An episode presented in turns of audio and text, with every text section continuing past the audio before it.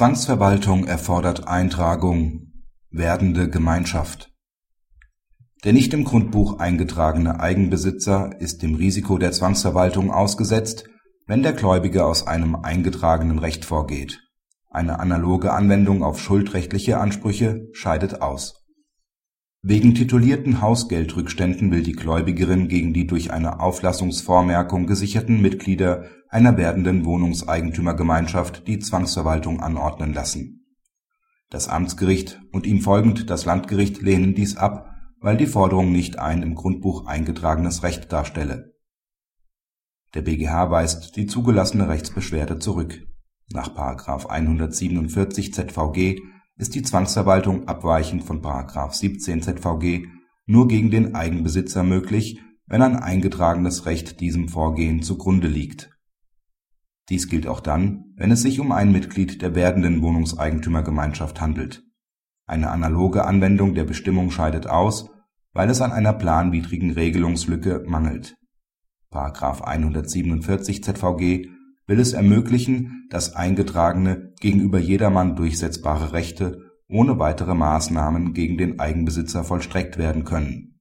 Der Umweg über einen gegen den Eigenbesitzer gerichteten Duldungstitel soll erspart werden mit der Beschränkung auf eingetragene Rechte werden formal einfach zu prüfende Tatbestände geschaffen.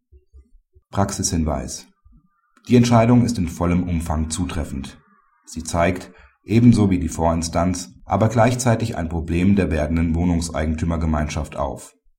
Das Mitglied einer werdenden Wohnungseigentümergemeinschaft schuldet dieser die fälligen Hausgelder.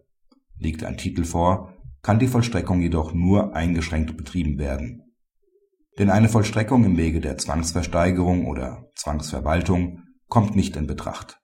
Der Erwerber und das Mitglied der werdenden Wohnungseigentümergemeinschaft sind nicht als Eigentümer im Grundbuch eingetragen.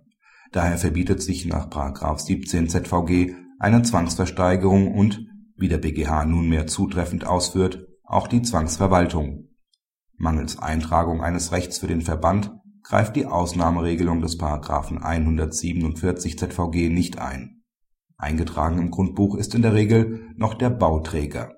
Gegen diesen hat die werdende Wohnungseigentümergemeinschaft jedoch keinen Titel erlangt, weil der Erwerber die Hausgelder schuldet. Hier kommt die bereits unmittelbar nach der Entscheidung des BGH über die Anerkennung der werdenden Wohnungseigentümergemeinschaft gestellte Frage auf, ob der Bauträger, weil er noch im Grundbuch eingetragen ist, der werdenden Wohnungseigentümergemeinschaft, eventuell als Gesamtschuldner, ebenfalls die Hausgelder schuldet Andernfalls sind der werdenden Wohnungseigentümergemeinschaft die Vollstreckungsmittel des ZVG genommen. Mangels Eintragung des Erwerbers kann auch aus dem gegen diesen gerichteten Titel keine Zwangssicherungshypothek eingetragen werden, so dass auch insoweit ein eingetragenes Recht nicht besteht. Zudem mag der sich aus § 10 Absatz 1 Nr. 2 ZVG ergebende Anspruch einen dinglichen Charakter haben, er stellt aber kein eingetragenes Recht dar die Harmonisierung der werdenden Wohnungseigentümergemeinschaften mit den Regelungen des Zwangsvollstreckungsrechts wird, zumindest in Bezug auf ihre Mitglieder, voraussichtlich nur der Gesetzgeber vornehmen können, denn der BGH hat diesen Weg mit der hier besprochenen Entscheidung verbaut. Nur über eine Mithaftung des aufteilenden und veräußernden Eigentümers könnte man bereits jetzt zu einem für die werdende Wohnungseigentümergemeinschaft wirtschaftlich tragbaren Ergebnis gelangen